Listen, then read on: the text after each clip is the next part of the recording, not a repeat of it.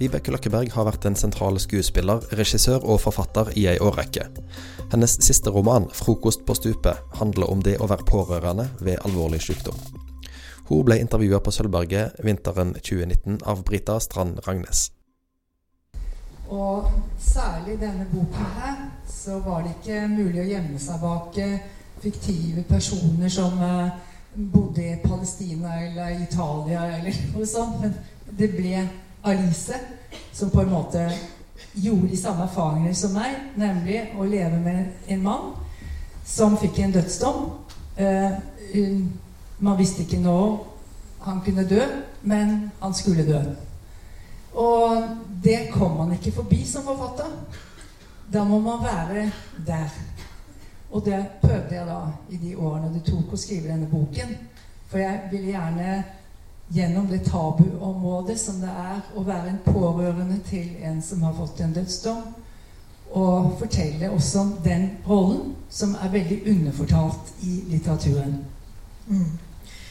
Og det har du jo, altså som du sier, dette er jo en, en eh, roman hvor hovedpersonen er en kvinne, eh, godt voksen kvinne, som, som, eh, som du sier, får eh, da hennes ektemann får denne dommen. Og samtidig så er det jo også et portrett av en kvinne som er veldig mye mer enn en pårørende. Og som da også får lov til å være et mangefasettert menneske i mange forskjellige, ulike roller. Og det, det syns jeg er en veldig styrke ved denne romanen. Men jeg tenker, eh, før vi går inn og snakker mer om romanen, så eh, skal Vibeke lese bare åpningen. Sånn at dere får eh, komme litt inn i den, dere også. Um, ja, den eh, handler om Alice og Adam. Og jeg fant på da at jeg måtte hete personen som skulle dekke mine erfaringer, måtte hete Alice. Fordi at eh, det skjer et veldig raskt brudd mellom Alice og Adam. Fordi at uh, tredje, et tredje element kommer inn og gjør noe med deres forhold og da mister Alice fotfestet, og hun faller bokstavelig talt ned i eh, sin egen underverden. Og ting begynner å flyte. Da skal jeg lese første kapittel, som foregår i Los Angeles. Alices mor satt i en stol som om hun var virkelig, som om hun hadde sittet der lenge og ventet på henne. Det skjedde samme natt som Alice mistet Adam. Adam og Alice spiste frokost på sengen, spaserte med døtrene langs Venice Beach, syklet langs stranden og dro til Malibu for å feire bryllupsdagen. Alice følte seg oppløftet, oppløftet over å være i Los Angeles, omgitt av begge sine døtre og barnebarn. De var eldre mennesker som følte seg forrynget av det unge miljøet i Venice. Gater og restauranter var fylt av unge mennesker ambisiøse menn og kvinner fra hele verden som søkte en karriere i filmbransjens metropol. Døgnet besto av nærhet og latter. En latter som skulle vare evig, slik barna er evig, slik deres døtre og barnebarn var evige. Når Alice ikke fikk sove om natten, satt hun i sofaen i den lille stuen og stirret på lappen barnebarnet hadde skrevet 'Welcome, Momo'. Brølene fra Stillehavets dønninger holdt Alice våken. Hun kunne sitte oppe i timevis og lytte til dem. Adam satt sammen med henne og ventet på resultatet av prøven han hadde tatt på sykehuset før han dro fra Norge. De sa ingenting til hverandre, satt bare i hver sin stol og stirret på telefonen. Gjenstandene i rommet vekket ingen erindring hos Alice. En sofa, et bord og en stol, en fjernsynsskjerm var festet på veggen. Under fjernsynsskjermen sto en bokhylle Foruten en avdød stjernes biografi var hyllen tom for bøker. Ved døren inn til kjøkkenet hang to filmplakater rammet inn i gull. Den ene plakaten viste Frank Sinatra i hvit marinedress poserende på dekka USS Enterprise. Et falmet portrett av Rita Hayworth stirret ned på Alice med sløret blikk. Adam og Alice satt i mørket. Mobilen lå på bordet mellom dem med høyttaleren på. Legen skulle ringe fra Norge og bekrefte at det ikke var noe i veien med Adam. En rutinesjekk etter at han hadde fått eh, smerter i ryggen. Selv Selv skyldte han på slitasje og muskelsmerter, eller det var eh, en bivirkning kanskje av vaksinen mot svineinfluensa. Bordet de satt over lavt. Alice lente seg med albuen på bordplaten mens hun studerte de barnlige bokstavene som formet velkomsthilsen fra barnebarnet. Og da telefonen ringte og legens stemme gikk rett på sak, løste bokstavene seg opp foran Alices øyne og ble meningsløse. Adams blikk beveget seg ikke fra mobiltelefonen, som fortsatt lå plassert mellom dem. Fra vinduet kunne hun se alleen av palmer langs Rialto. Palmer som ruvet på tynne stammer på hver side av gaten. Gaten som tidligere hadde vært en kanal. Alice undret seg over at endene fortsatt, fortsatte å komme dit for å pare seg. Hånden hennes lå over Adams hånd, men han så den ikke. Hun lette etter blikket hans, men han hadde mistet det. To år, kanskje tre. Var han heldig, kunne han leve i fem år med benmargskreft, sa stemmen fra mobiltelefonens høyttaler. Jeg som trodde jeg var udødelig, hvisket Adam inn i øret hennes da hun omfavnet ham. Det var det. Tusen takk. Dette, altså dette åpningskapitlet er jo også noe som eh, fungerer så fint fordi det åpner også opp det livet som disse to har hatt. Fordi det er klart dette her er, det er lett å si at dette er en bok som handler om altså du sier også det å være pårørende og sånn, og dette med hva som skjer når sykdommen kommer. Og så er det jo også en kjærlighetsroman. Og det er jo også en roman som forteller noe om det livet som har vært. For dette har jo vært et veldig sterkt samliv mellom disse to. Ja, ja. De har vært sammen hver dag i 45 år. Mm. ikke sant? Det er jo mange som har. Mm. Og, de har vært, og, det har vært fylt av noe helt annet. Det livet har vært ja. fylt av en helt annen kraft. Ja. Kreativitet og film og bøker og ikke sant, som mitt liv. Mm. Og plutselig så blir det på en måte et lukket rom. Mm. Og som du sier, nå er det noe helt annet som kommer inn. Mm. Og det er, det er, som om det blir også en slags du har selv sagt altså en trekantfortelling. Altså nå, nå er det noe annet som kommer og ødelegger eller sniker seg inn og tar over dette forholdet? Ja, man vet jo ikke. Eh, skal det bli en dimensjon som beriker deres forhold? Eh, som på en måte kaster blå fra øynene eller et eller annet som er ukjent for dem inntil nå? Eller er det noen som er en stor trussel mot forholdene. Det vet ikke Alice på det tidspunktet her. Men hun aner at han forsvinner. Og han er ikke eh, Det er ikke en inngang til trøst. Fordi at det som skjer, det står over trøsten på en måte. Det står over uh, alt. Det er eksistensielt for ham. Og hvilken rolle skal hun spille i dette? Mm. Du sier at det er eksistensielt for ham, men det er det jo også for henne. Det først og fremst er det jo det for pasienten. Mm. ikke sant? Og det får jo hun stadig bevist, Marise, fordi at hun kan gå ut i det sosiale eller til venner som hun tidligere hadde sitt eget forhold til. Og det eneste de sier 'Hei, hvordan går det med Adam?' Mm. 'Hei, hvordan går det med Adam?' Mm. Det er ingen som lenger ser at hun er en del av Adam og som spør 'Hvordan går det med deg?' Og Adam, 'Hvordan går det med deg?' Og dere i det dere har nå. Mm. Og det er det som jeg gjerne vil formidle. Jeg vil ikke klage over å være uh, gjennom Alice over å være en pårørende, men jeg vil åpne det rommet slik at uh, vi alle blir mer oppmerksom på at det er en tosomhet i en dødsdom i et forhold.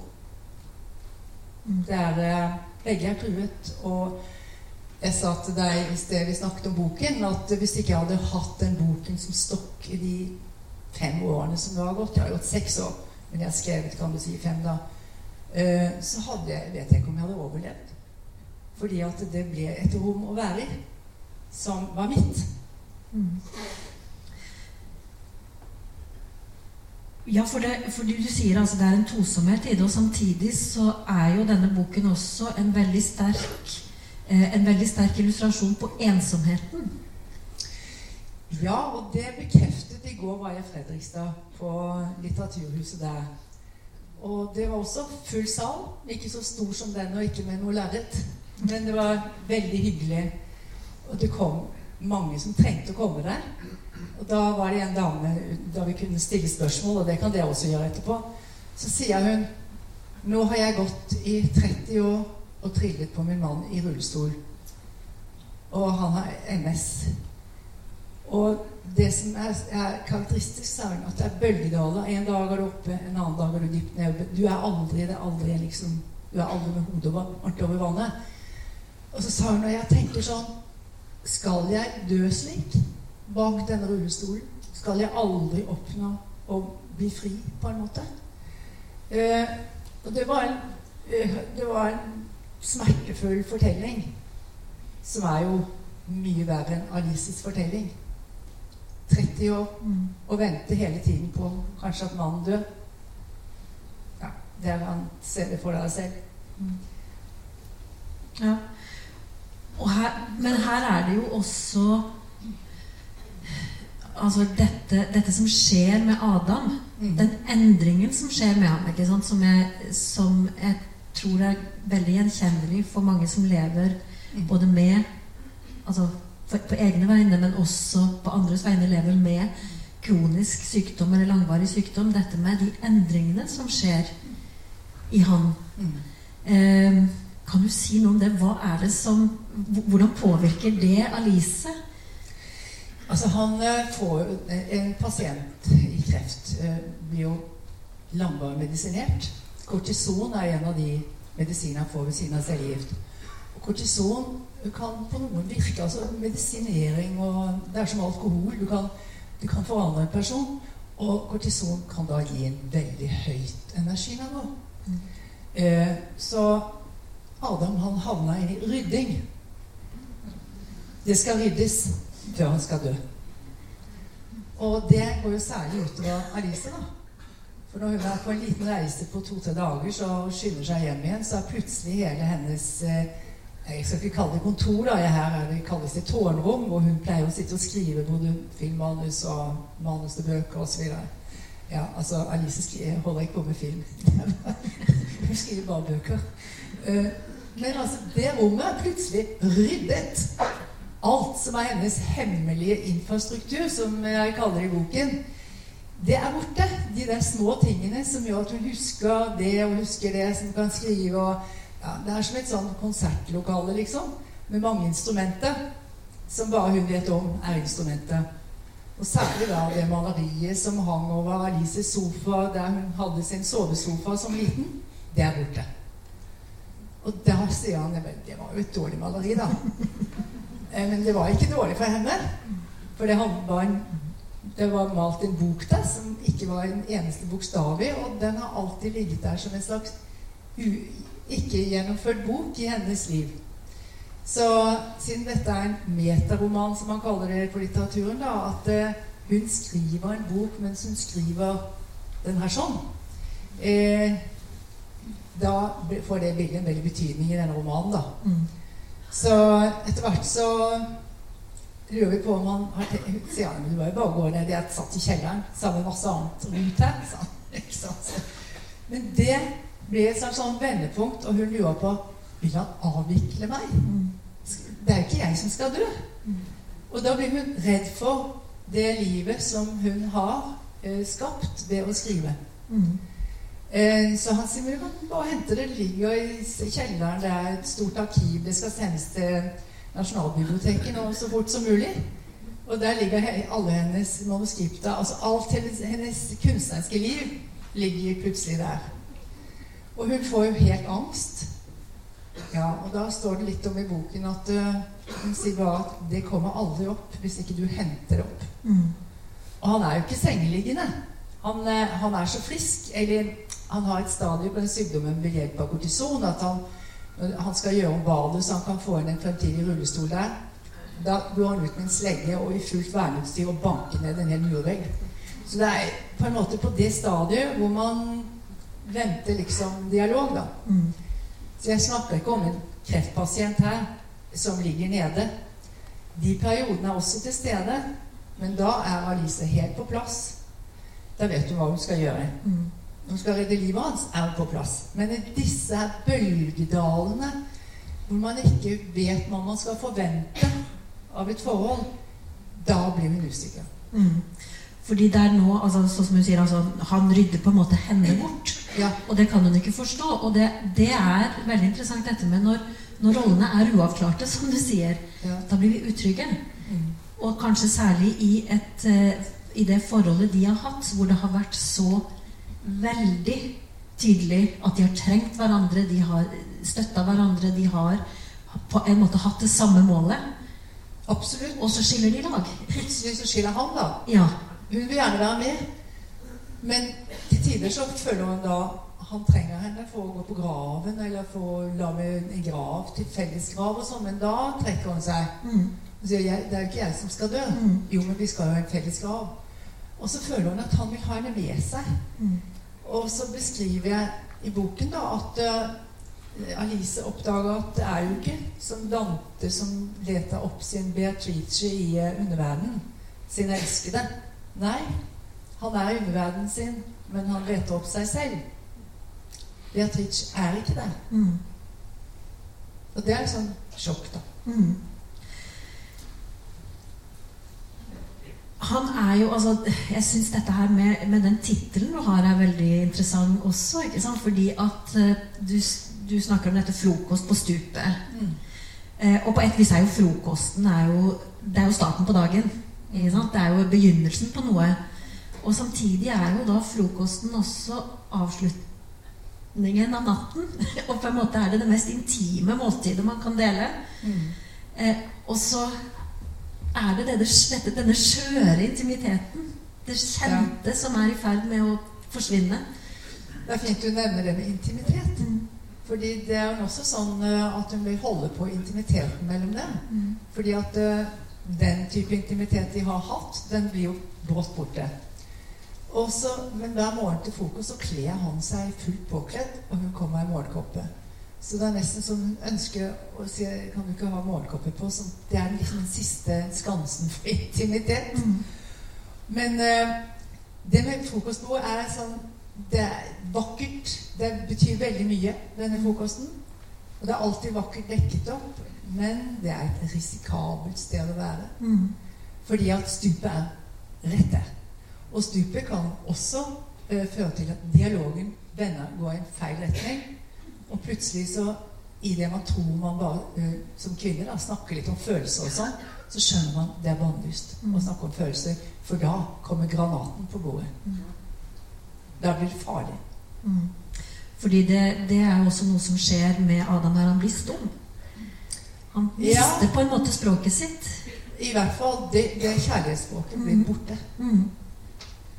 Det er jo ø, et veldig stort brudd. Mm. Eh, og du kan si at uh, når dette også eh, Selvfølgelig i går på i Fredrikstad så var også min mann til stede. Så man kunne stille han noen spørsmål òg. Hva synes, du, hva mener du om denne boken? Du er jo en levende modell som sitter her, liksom. Ikke sant? Og han sier det, at han er veldig glad i denne boken fordi at det fikk øynene hans opp for at han var ikke alene i denne situasjonen her, og han var blitt blind. Mm. Sånn at boken den er jo også til for å åpne Adams øyne. da, Og blikk for den han lever sammen med, og som hele tiden relaterer til han og hans status og situasjon. Mm. Og du har jo også tilegnet boken til den egentlige Adam. Ja da. Ja, Det er jo viktig å si at det er liksom ikke en bokstavelig, det er ikke en dokumentarroman. Eksempel, denne mannen ligger jo da med en øks eh, i sengen i tilfelle innbrudd, i tilfelle Ikke sant? Men det er jo bare en metafor for å fortelle om en mann som føler seg truet av en ytre faktor som er uten ansikt, liksom. Eh, så, og naboer og alt sånt. Det er jo bare fantasier som jeg bygger opp fordi at dette er jo også en roman. Så det er ingen eh, mann som legger seg på min veranda i, eh, der jeg bor, eller noen katt der, eller en som hele tiden roper på katten sin om natten og sånn. Altså dette er Men det er det konseptet dere må lese, fordi det jeg forteller, det er et slags grunnlag for å skrive den romanen som ligger her. Noe av det som var eh, veldig interessant i denne lesningen, det var dette, det som skjer med på en måte det, det, noe av det samme som vi var inne på med dette med frokosten, men hvordan det hverdagslige, hvordan, eller hvordan alt endrer karakter. Mm. Og hvordan ting som man kanskje ikke har tenkt på, plutselig får en betydning. En ting som jeg syntes var veldig interessant, er f.eks. Du, har en- du har en diskusjon av en madrass. Det må kjøpes ny madrass eh, i, i denne boken. Og det, det fordi at det må være en, en, en, en hva skal jeg si, en helt sånn ren ubrukt man, skal, man skal ikke Ja, man skal dø rent. Ja. Eh, På en måte ikke noe fortid av lidenskap. ja, ikke sant? På en måte. Ja, og at det ikke skulle og, og, og også dette med du skal, ikke, du skal ikke være overlatt til en institusjonsmadrass hvor du er bare nok et menneske som skal komme for å dø. Altså det skal være På samme madrass. Ja. Det, skal, det, det, Ja. det, ble et veldig sterkt bilde hvordan alt på en måte får en ny Altså blir farget ja. av dette. Jeg vil jo si at det er uh, De mest triste ting for en forfatter kan gjøres om til smykker Mm. i litteratur. Mm. Fordi at de på den måten åpner et, et rom som er helt usynlig for en hvis man ikke skriver. Og som man ikke legger merke til ordentlig heller. Mm. Så det er, det er en stor gave å kunne sette ord på, på noe så følsomt og nyansert som jeg tror jeg har greid. Mm. Ja. Og dette med nyanser er jo også noe For å komme tilbake til det som jeg åpna med, altså dette med at Alice er jo også et veldig nyansert menneske. Altså På et vis så er Eller jeg leser denne romanen som veldig eksistensialistisk. Og du sier altså for Adam absolutt. Altså han, han møter sin egen død. Men for Alice er det jo også en Altså for henne også så kommer hun tett på alle de vesentlige tingene i livet og alle sine egne relasjoner. Eh, For, alle, eh, for Alice er jo egentlig hennes relasjoner, sånn som de framstilles i boken, er vel, i veldig stor grad strukturert rundt nettopp det med tap, med død. Eh, enten det er eh, henne som datter, som nå Ja. som kone, men også i noen grad som mor. Dette savnet. ja eh, det er mye tap det. det er helt riktig. Og det eneste hun da ikke må tape, det er evnen til å skrive om det. Eh, og, men noe av det rommet som eh, hun faller ned i, eh, dette universet som, eh, hvor ingenting stemmer lenger, det er jo hennes fortid som plutselig kommer opp. Hvor hun er datteren og mister sin far i kreft når hun er 15, mister sin mor i kreft senere. Eh, Så dette eh, rommet eh, som heter kreft, det har jo vært i- bildet fra hun var ganske ung. Eh, og det er hun uforberedt på. Det er en sånn hva det kalles eh, eh, sånn traume da, som er ubearbeidet, men som kommer i full fart på en bakfra, liksom. Eh, og som, eh, som blir ganske tøft å, å forholde seg til. Og derfor er boken også Jeg skal ta min sånn her, jeg, så kan alle andre gjøre det òg. Sånn. Nå natt. Eh, så det, det er jo litt sånn eh, eh, Tror jeg kan være symptomatisk at kommer man i én krise, ja, da kommer de der fortidskrisene også på en, altså. Mm. Ja, for det er jo det som altså, Det åpner noen sånne rom ikke sant? Som, Ja. som gjør at hun konfronteres som du sier, altså hun konfronteres med både manns dødelighet, og gjennom det selvfølgelig også sin egen dødelighet. Ja, ja. Eh, men da også, Fortid, sier, sin egen fortid, sin egen historie. Det er jo, ikke, det er jo sånn at, at eh, La oss si Alice, da. eh, Hun er 68 når dette kommer inn i livet. Så er hun, la oss si som meg, da, 74. Og da har det gått seks år. Og da har man vært gjennom alle stadier av eh, at man har fått eh, sånn ryggmargstransplantasjon. Man har vært bra i to år. Livet virker jo som det skal være evig igjen. Og så kommer kreften tilbake. Så kommer de nye medisinene. Virker ikke. Hvor står man? Eh, så i mitt personlige liv så står vi jo der nå, da. Eh, vi vet ingenting. Sånn at det, det er eh, klart at jeg da tenker ja, men det kan jo like gjerne være meg som dør snart. Fordi jeg er jo blitt mye eldre. Men det, det får likevel ingen plass. Fordi det er ikke en dom der. Det er ikke en eh, sånn som for hans tilfelle. Det er en dom. Jeg har ingen dom. Og jeg er ikke redd for døden heller. Det er, liksom, det er ikke noe som sier meg at uh, jeg skal dø. Men per alder så ser jeg jo vennene mine dø. Folk blir borte, syke. Og det tror jeg ikke at min eh, partner har oppfattet. Unnskyld. Nei, han har ikke oppfattet din dødelighet. Nei. Nei. Fordi jeg skal være den sterke Mm. som skal være der for hans død. Mm. Eh, det er jo også Altså eh, Når vi ser den måten du beskriver Alice på, eh, hvor, hvor eh, Som du sier, altså hun har eh, far som er død i kreft, en mor som er død i kreft, og også eh, en kvinne som er på en måte Altså hun er krigsbarn, ikke Ja. sant? Og er Altså, det, det er død på veldig mange måter. For det er også denne eh, Hva skal jeg si Den strukturelle volden, denne, denne krigen som ligger der på en måte i hennes Ja. liv hele tiden. Den har jo, For hun ble jo født da i 1945, som meg.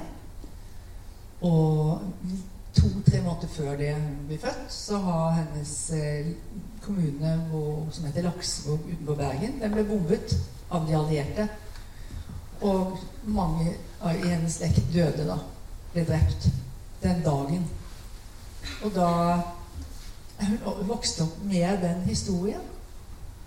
At på elleve minutter så kan så døde din bestefar, din kusine, din tante og venner av familien. På elleve minutter. Ikke sant? Så den, det var en nokså sånn tøff melding å få. Og det var ved frokostbordet disse historiene ble lansert fordi min bror han overlevde så vidt. Så den fortellingen om hans gjenoppstandelse, den fulgte henne. Og når han flyttet fra hjemmet, han var ti år eldre, da ble det helt stille. Og hun hadde ingen fortelling i det hele tatt som interesserte foreldrene, eller som hadde noe drama i seg. Det var, hun var helt utkonkurrert, så da lurte hun på om alle egentlig mentalt hadde flyttet sammen med moren. Da. Mm. Eh, Og da kom dette med faren din, som eh, noen år etterpå, Mm. som død. Mm. Ja. For det er jo noe med dette med altså Grunnen til at jeg tar på altså, Denne romanen er veldig Altså, livet er både veldig robust og Mm. veldig, veldig skjørt. Hele tiden i denne romanen. Altså at det er både en sånn et ekstremt kraft og, som Adam sier, altså en udødelighet nesten i det. Og samtidig så er alle relasjoner nettopp fylt av dette med at det når som helst kan bli borte. Og en visshet om det. Jeg lurer på om man eh, Du er så flink. Jeg lurer på om man på en måte får også en kraft av erkjennelse. Å se ting i hvitøyet akkurat sånn som det er. Istedenfor å si at man pusher døden under stolen og teppet og Det handler ikke om meg, det er de andre. Skjønner du? Altså at, eh, og jeg tror i alle prosjektene mine så har jeg holdt på med med jeg vil si, et dra til Palestina og, og lage film om barn som sitter der i ruinene og blir bombet. Og Hud eh, var en svær film som handler om incest. Og Løpejenten om eh, skilsmisse og barn som blir forsømt. Og, eh, sånn at eh, jeg har vel egentlig alltid befattet meg med med ting som er folk skyver litt unna. Så jeg husker jeg en gang var på Lindmo. Ble invitert av en bok som jeg skrev om Syd-Amerika, om barn og prostitusjon og narkotika der. Og så var jeg veldig stolt over å komme dit, da, og de skulle snakke om denne boken min. Og så møtte de meg ved å si Du, denne boken her, den er jo veldig svart. Da reiste jeg meg opp og så gikk jeg. Tenkte jeg. Det stigna jo aldri blitt, vet jeg. Må man være i entertainment Altså må man være i underholdningsbransjen, tenkte jeg. Og så man skrive bøker. Men det morsomme er jo Jeg kommer jo ikke noe særlig rundt sånn som det her i Norge. Men jeg kan forsikre dere at jeg reiser over hele Amerika på alle universitetene og snakker om film og holder på. Men de som kjenner meg minst, det er Norge.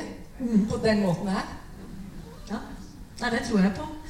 Eh, og det er, jo, det er jo det du sier med dette med, med eh, altså det, det, det, er jo en bok som handler om kunst. altså Det gjør jo på en måte alt du gjør, er jo også eh, kunstnerfortellinger. ikke sant? Ja. Men dette her er jo i veldig stor grad også en kunstnerroman. Ja, det er det. Og som du sier, da er jo en roman som handler om det å skrive nettopp denne romanen. ikke sant? Eh, så det er derfor vi sier at det er en metaroman også, for det er denne skriveprosessen som ligger der. Og det syns jo jeg som litteraturviter er veldig interessant, dette forholdet på en måte mellom døden og skrivingen, døden og fortellingen. Så har vi snakket bitte litt om dette med dere, altså, 'Tusen og en natt' kjenner dere, ikke sant? Altså eh, den arabiske eh, klassikeren. Og der, der, er rammefortellingen i 'Tusen og en natt' er jo da altså at eh, det er en sultan som, som insisterer på å ta en ny brud hver kveld. Han er veldig redd for at han skal eh, treffe noe Altså at han skal eh, være nødt for å og, altså Han er veldig redd for at eh, noen skal være utro, så han insisterer på en ny hver kveld. Og så dreper han en om morgenen. Så får han en ny om kvelden. Helt, dette gjentar seg da helt til Scheherazade kommer. Og det hun gjør, er at hun forteller sultanen en fortelling om kvelden. Og så er sultanen så oppslukt av den at han sier neste morgen at ok, du kan få leve en kveld til. Fantastisk. Ja, Og så fortsetter hun. Og så fortsetter hun. Og tusen og en netter fortsetter hun da. Så hun forteller da bokstavelig talt for å fortsette å leve, for å overleve. Eh, det er ikke noen lykkelig slutt, for det ender med at han giften sier det skal bare være oss. Det, det er ikke noen lykkelig slutt. Eh, være den eneste etter den sultanen der, men ok. Det er en veldig flott assosiasjon. Fikk du den assosiasjonen når du leste Ja, boka? jeg fikk den assosiasjonen til deg fordi at eh, denne romanen Altså eh, dette skriveprosjektet i romanen din er på en måte også et sånt for, Ble for meg også nesten som et forsøk fra Lise på å holde døden litt borte. Det er jo riktig. Det var jo det. Ikke slutte det. Det skal ikke avsluttes. Jeg skal ikke bli ferdig. Nei. Nei, og det plager jo Adam veldig. Ja. At hun ikke blir ferdig. Så han sier at nå maler jeg huset, og du gjør den romanen ferdig. Nå må det bli slutt. Jeg orker ikke mer. Ikke sant? Ja, men det er for sent å få den ut i høst, sier hun. Eh, nei da, det er en høstroman, det er ikke en vårroman. Den skal være ferdig ute i høst. Og det resulterte jo i at den kom ut altfor seint. Først i november. Eh, det var ikke påmeldt noen ting. Ingen kjeder i bibliotekene og alt mulig, så jeg gikk rundt i Nei, jeg mener i uh, bokhandelen. Så jeg gikk rundt i bokhandelen og sa Har du kjøpt boken min? Ja. Hvor mange eksemplarer da? Ja, to. Hvor er den, da? Ja, vi går bort til bokhyllen her, sin, så går de langt inn i sånn, og så tar de ut boken. Der, sier jeg. Den skal ligge her på toget, sier den handler om noe veldig viktig som mange skal bli kjent med. Der skal den ligge. Hvor er sjefen din? Der, ja. Ok. Sjefen. Samme. Så gikk jeg, og så kom jeg hjem om to dager. Har du min bok her? Ja, er boken Sånn måtte jeg holde på. Inntil da på eh, Nordli så leste de boka, faktisk. Sjefen leste den og la den på bordet med en gang. Bunka. Og så gikk jeg til, no til eh, Hva heter de andre? Uh, Ark. ja, ark. Så gikk jeg til ark og sa har du nå lagt ut denne boken min ordentlig? Uh, ja, jeg har kommet den. Og så sa jeg les den. Så må man holde på i dag, og der ligger jeg og har konkurrenter opp til halsen, ikke sant? Men jeg har fått det til. Så jeg håper den ligger ute på toget. Det, blir boksalg etterpå, altså. Det gjør det. Eh, nei, men Tror du det er noe i det, altså, det dette med at det, det er så vanskelig å avslutte denne skriveprosessen? Altså det at det tok lang tid både for deg og for Alice i denne boken. At det er noe med den Altså det ønsket om at det ikke skal ta slutt. Du kan si det gjorde det. Men jeg fikk jo kniven på strupen av modellen min, da, så jeg måtte jo slutte. Eh, så, og, og da ble det veldig bra også. følte jeg da løste jeg mange ting som jeg sto fast i. Mm. Det er den gamle klassikeren 'Jeg trenger ikke tid, jeg trenger en frist'. Det, Ja, det er helt sant. ja. Men nå sier han Skal du ikke begynne på en ny bok? ikke sant? Nei, jeg orker ikke det. Vær så snill. Ja, nå må du begynne. Så han er jo da innarbeidet min produsent. Så han, han er jo der hele tiden med å få meg til å gjøre noe. ja. For det er jo en rolle han har hatt en stund. Er det Ja, ikke det det? har han hatt hele livet. Ja. Sier 'nå går flyet snart'. Eh, det er en morsom eh, sekvens, jeg vet ikke om du husker den i boka. Eh, så en natt så vekker han meg opp og sier du, du må skynde deg å våkne, vi skal jo fly. Snart. Nei, da sier jeg vi skal da ikke fly noe nå. For det er jo sånn han pleier å være. Klokka er det, opp og stå, ut av drosjen er bestilt, nå så må du dra. Sånn gjorde han i morges også. Og, og så Men da sier han nei, du har rett, vi skal jo ikke fly. Men jeg har drømt at jeg har løpt på en åpen slette for å nå et fly. Og så var det ikke noe fly der. Og plutselig så så jeg at det er en metafor, og den har jeg med i boka. Mm. Altså den, den som skal dø, ikke sant? Han løper etter en løsning, noe som skal ta ham bort fra denne åpne sletten, som er hvor livet hans nå har landet. Det er ikke noe fly som kan ta ham bort. Mm. Men det er eneste gangen han har vekket meg, og det ikke er sant at vi skal fly. Okay. Men det er jo dette med altså for, for det er jo Du har jo en del drømmesekvenser. Du har også eh, et, nesten som et sånn Altså moren, moren framstår, framtrer også som et spøkelse, nesten, i, Ja. i romanen din. Eh, så, så det er også noen eh, altså elementer av noe i hvert fall ved siden av det liksom, vanlige ja. i romanen din. Og jeg syns det er veldig Altså, jeg, jeg syns det var veldig fint det er dette, nettopp dette som du var inne på, det med at du, du har valgt å gi hovedpersonen navnet Alice. Mm. Fordi som du sier, altså Alices, altså Louis Carroll sin Alice faller jo ned dette kaninhullet. Eh, og vi, vi sier jo, altså det heter jo på engelsk heter det jo Alice in Wonderland. sant? Alice i Eventyrland på norsk. Og det får jo, vi får jo veldig gode assosiasjoner av det ordet. Mm. Men det er jo ikke en hyggelig bok, egentlig. Det er jo en forferdelig bok. Nei, nei, nei, det må du ikke si. Nei, ikke sant? Ah, nei, men den er jo det, altså. Alice faller, ja, hun faller jo ned i en verden hvor ingenting gir mening. Men hvor det tilsynelatende Altså, hun skjønner at det finnes regler. Men hun forstår dem ikke. Mm. Og det er veldig smertefullt. Og så tenker jeg det, det virker altså, Det ble en veldig god parallell, for det fremstår veldig som at det er det som skjer etter denne diagnosen også. Du havner i en verden hvor det finnes helt ufravikelige regler. Da snakker vi om sykdommens eh, lover, sykdommens lovmessighet. Men de går ikke an å forstå. Eh, Veldig fint eh, forstått, det du sier. Det er sånn. Verden blir helt absurd. På hvilken måte blir den det? Jo, altså Moren sitter jo der hver natt, da. Mm. Den døde moren? Ja, inne i det nye skrivebordet, for hun har jo mistet det, det hun pleide å ha. Så hun lager seg et nytt uten vindu mot noe sted, og det er moren da. Og hun vil snakke med henne. Eh, og hun vil særlig forklare eh, sin egen manns død. Mm. Eh, hvordan hun hadde det på 40 kvadrat når han døde. i to små rom og kjøkken og bad. Eh, og hun vil også gjerne forsvare da at eh, eh, de gjorde et kjærlighetsdrap. Mm. Og det var jo da dessverre Alice vitne til. Mm.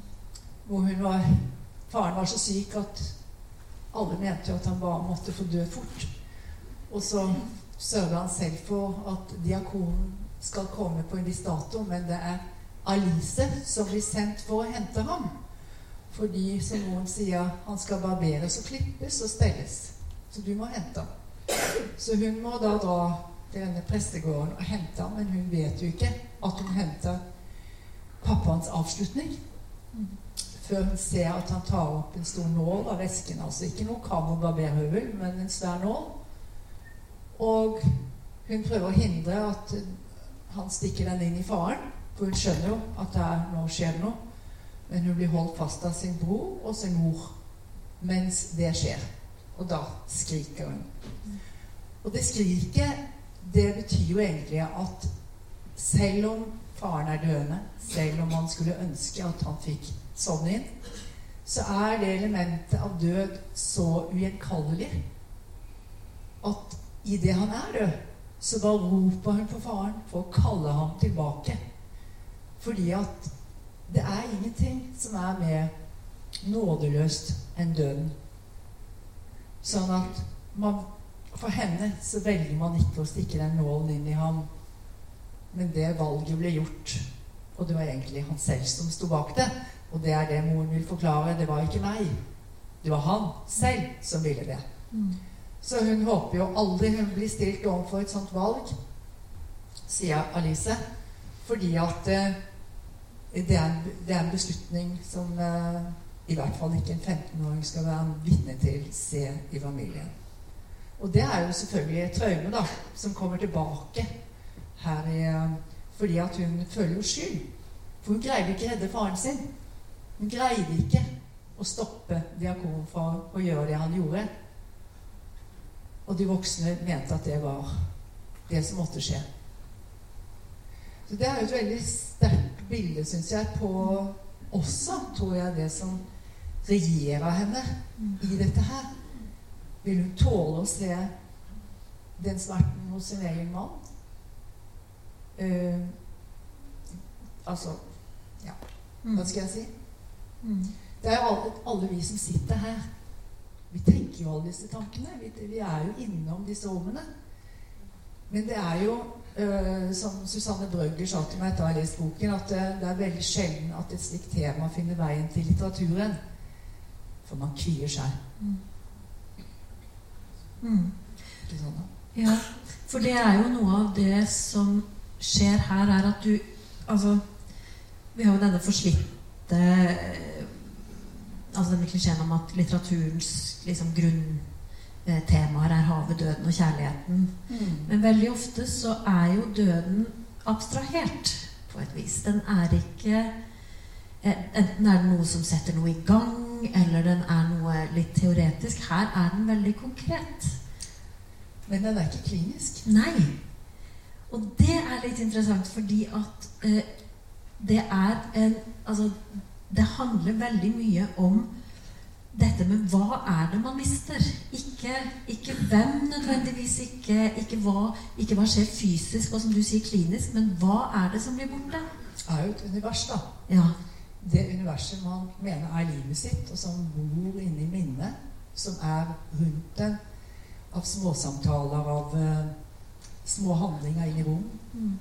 Uh, og det er jo og dialogen som skaper liv. Og jeg mener relasjoner mm. skaper ditt eget liv. Mm. Uh, og det er veldig vanskelig å gi slipp på den som representerer det, tror jeg. Ja, og det, det, er også noe med eh, nettopp dette med den kompleksiteten i Alice, og nettopp alle disse relasjonene og sånn som gjør at jeg ble i hvert fall minnet på i lesningen altså dette med vi, Hvis vi tror på en måte vi lever ett liv, mm. og så gjør vi jo ikke det. Ja. For vi lever så mange liv samtidig, avhengig av hvem vi er i relasjon med. Mm. Og nå er det som om det er Altså no, no, Ett av disse livene til Alice er nå i ferd med å bli borte. Og det er det livet hun har sammen med Adam. Ja, det er ikke ett, men det er the life. Ja. det er jo, siden de har vært helt unge, ikke sant, mm. så har det bare vært de to. Mm. Og som jeg sa i begynnelsen, at i dette tilfellet så er det ikke bare som de har vært gift i 45 år. Eh, altså Alisa har aldri vært på jentetur. Mm. hun har aldri deltatt på den måten. De har, hun har sittet og skrevet og hatt dialoger med og, i selskap av Adam, og vice versa. Mm. Eh, sånn at det, den veggen som da faller så tenker hun Hva skjer da? Er det noe vits i å leve, liksom. Mm. Uh, barn i Amerika og barnebarn i Amerika og så alt dette her. Så vi kommer jo inn Hva skal få meg til å leve? Mm. Og kan det, kan det, være et annet liv dem imellom enn det de har hatt? For det er også en utfordring her. Hvordan bygger de opp eventuelt da et nytt Ja, det, det er et eh, sentralt punkt. Og da fordi at man håper jo, når man får vite at du, ja, fem år er jo mye Mange dør etter tre måneder. Noen uker av kreft. Men han får fem år. Og da tenker Alice å, heldigvis. Fem år, det er jo fantastisk. Tenk på alt vi kan få oppleve da hvis han greier liksom å bare være oppegående. Eller det livet vi uansett kan ha. Men det som skjer, er ikke at det utløser glede hos den syke. Det utløser angst. Eh, Det utløser eh, ikke det blikket som eh, han hadde før eh, ved det møtet mellom de to. Det utløsa ensomhet hos begge. Og eh, altså Alice lengter etter gleden, men når hun ser seg selv i speilet, så får hun øye på et blikk som er så sorgtungt. Og også det samme hos han. Så man tenker liksom Ja, men altså, så lenge man lever, så må man jo på en måte også finne gleden. Ja. Og det er jo eh, Jeg er veldig jeg er veldig enig med Susanne Brøgger i ja, ganske mye, egentlig, men i det du sa om det som hun sa om romanen din, dette med at du har tatt noe som er veldig vanskelig, og som ikke er lett Altså som, som ikke er så ofte representert og framstilt det. Um, og, og det er Det er Altså Modig har du jo vært i alt du har gjort, ikke sant? men dette blir veldig personlig inn i noe som er her og nå. Eh, og så har du en sånn Du har en liten, eh, en liten sekvens i romanen din hvor, hvor da den døde moren kommer til Alice og, og bebreider henne da for, for, skrivingen hennes, og nettopp for det å ha brukt hennes eget liv. Og så sier hun 'Du har forvandlet oss alle til fiksjon'. Ikke sant? Og så vil da at Alice skal stå til ansvar for sin egen Ja. eh, sin egen kunstneriske virksomhet. Mm. Og så sier da, sier da Alice her eh, i boken at eh, kunsten altså Hennes svar er da at kunsten er løgnen som forteller sannheten. Tenk på det. Det er vanskelig sagt, men tenk over det. Det er jo det at eh, vi kan sitte og snakke Jeg kan sitte og snakke masse. Men jeg vil aldri kunne si det jeg skriver. Det er et eget rom. Mm. Og der blir det virkeligheten Man snakker om virkelighetsromaner osv. Virkeligheten blir da av underbevisstheten bakt på en måte som gjør at den kommer ut subtilt med en undertekst som kan fortelle et, noe som vil ta timer å forklare. Og det skal, det skal treffe deg på en måte. På en annen måte enn når jeg sitter her og snakker. Derfor er litteratur så viktig. Fordi at det er løgn og sannhet på en måte som er ubegripelig, som underbevisstheten på en måte lager. Eh, og det er det fantastiske, syns jeg. da. Mm.